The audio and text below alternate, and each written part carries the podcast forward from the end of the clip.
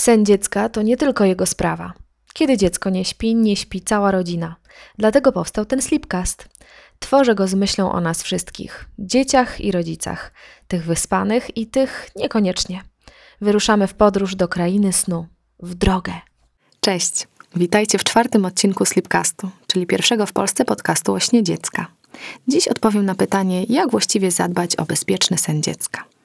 Ten temat budzi sporo emocji wśród rodziców. Powodów jest dużo, bo niby wiemy, jakich ogólnych zasad przestrzegać i czego unikać.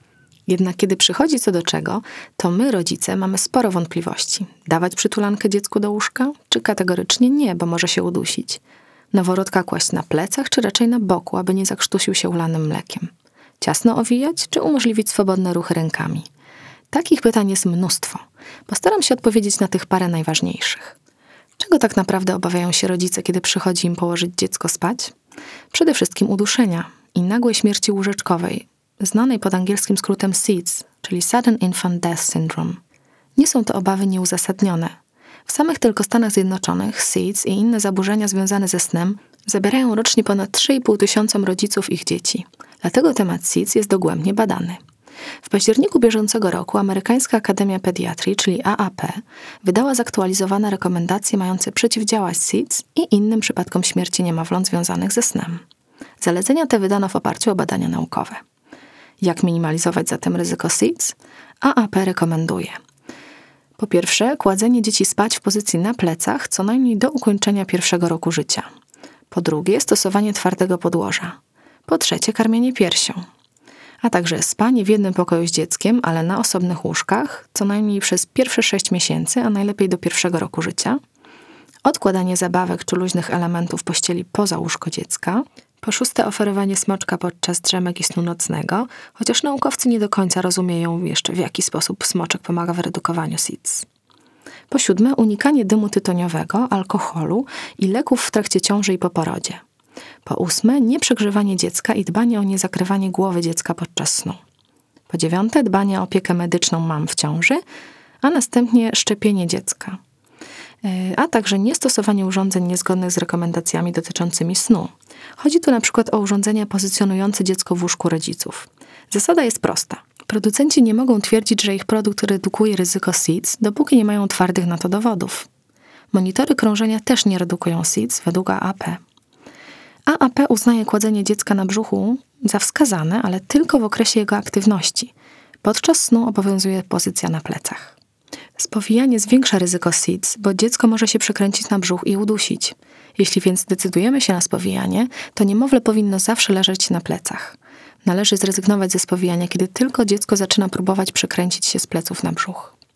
Ponadto przedstawiciele służby zdrowia powinni informować o czynnikach ryzyka SIDS i zasadach bezpiecznego snu, a media i producenci akcesoriów dla dzieci powinni rzetelnie przekazywać informacje na temat bezpiecznego snu dzieci.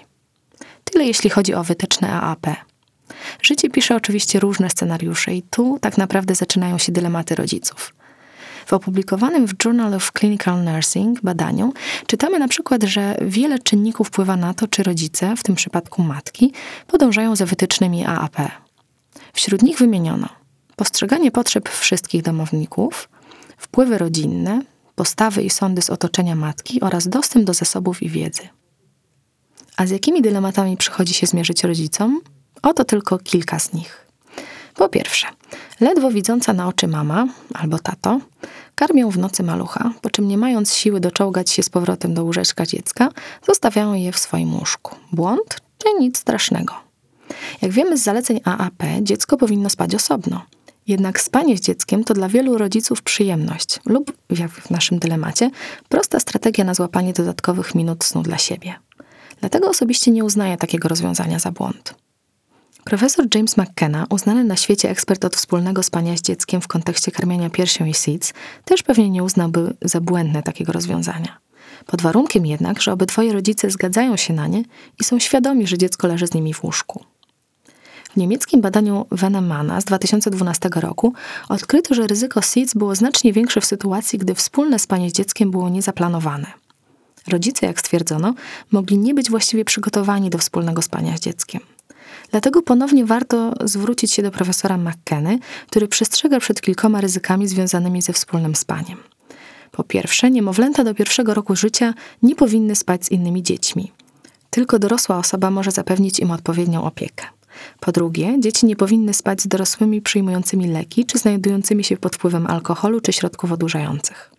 Po trzecie, osoby z wyjątkowo długimi włosami powinny je związywać, by uniknąć uduszenia dziecka.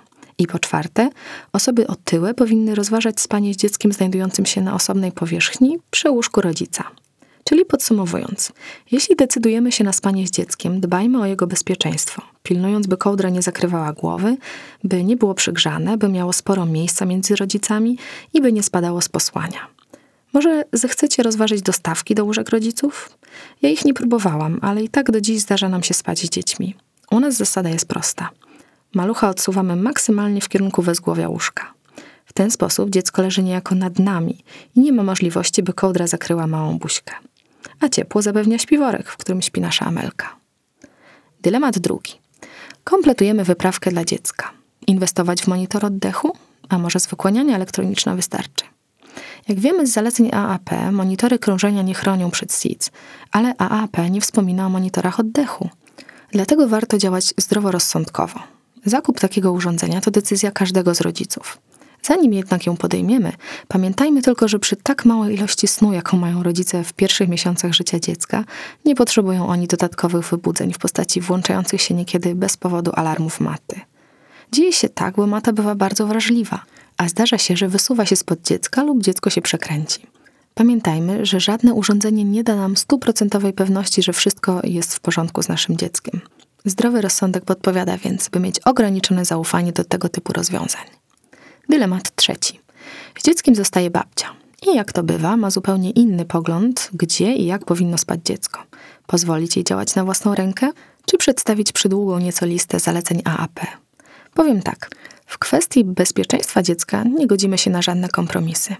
Jedno z badań przeprowadzonych przez naukowców z University of Arkansas for Medical Sciences skupiało się na tym, jak przekonania babć właśnie wpływają na bezpieczeństwo snu dzieci.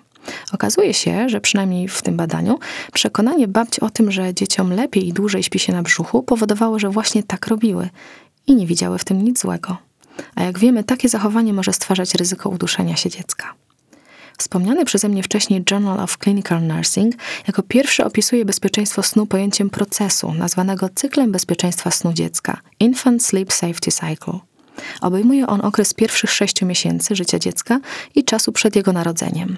Według mnie bardzo dobrze opisuje rzeczywistość, która, jak wiemy, zmienia się wraz z rozwojem dziecka. Dlatego cykl bezpieczeństwa snu dziecka bierze pod uwagę następujące aspekty – oczekiwania matek względem bezpieczeństwa snu ich dzieci, trudności na styku rzeczywistości i oczekiwań, modyfikacje tych oczekiwań i warunki, w których dokonują wyboru oraz zmiany poglądów matek związanych z rozwojem umiejętności dziecka.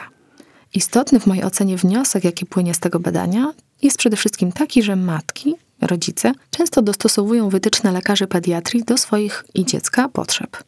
Jeśli uznają, że dziecku lepiej śpi się na boku lub z zabawką albo w ich rodzinnym łóżku, to często tak robią. Czy szkodzą sobie i dziecku? Hmm, trudna sprawa. Dlatego badacze sugerują, a ja się z nimi zgadzam, by lekarze i położne pracowali razem z rodzicami i by znajdowali razem sposoby na modyfikację wytycznych bezpieczeństwa tak, by odpowiadały realiom życia rodziców. W końcu lepiej stosować nieco zmodyfikowane wytyczne, niż nie stosować ich w ogóle, prawda? O kolejnych aspektach snu dziecka posłuchacie już za tydzień w kolejnym odcinku Sleepcastu. Do usłyszenia.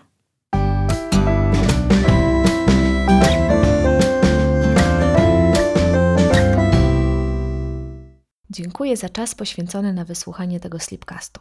Pamiętaj, treści tu prezentowane to nie porady medyczne. Jeśli coś Cię niepokoi w śnie Twojego dziecka, zawsze najpierw porozmawiaj z położną lub lekarzem. A w międzyczasie zapraszam na mojego bloga mamasubiektywnie.pl i do śledzenia mnie na Facebooku i nie tylko. Po więcej ciekawych tematów dla rodziców sięgnij też po mojego e-booka Podróż za niejeden uśmiech. Znajdziesz go na blogu. Do usłyszenia, Marta Andreasik.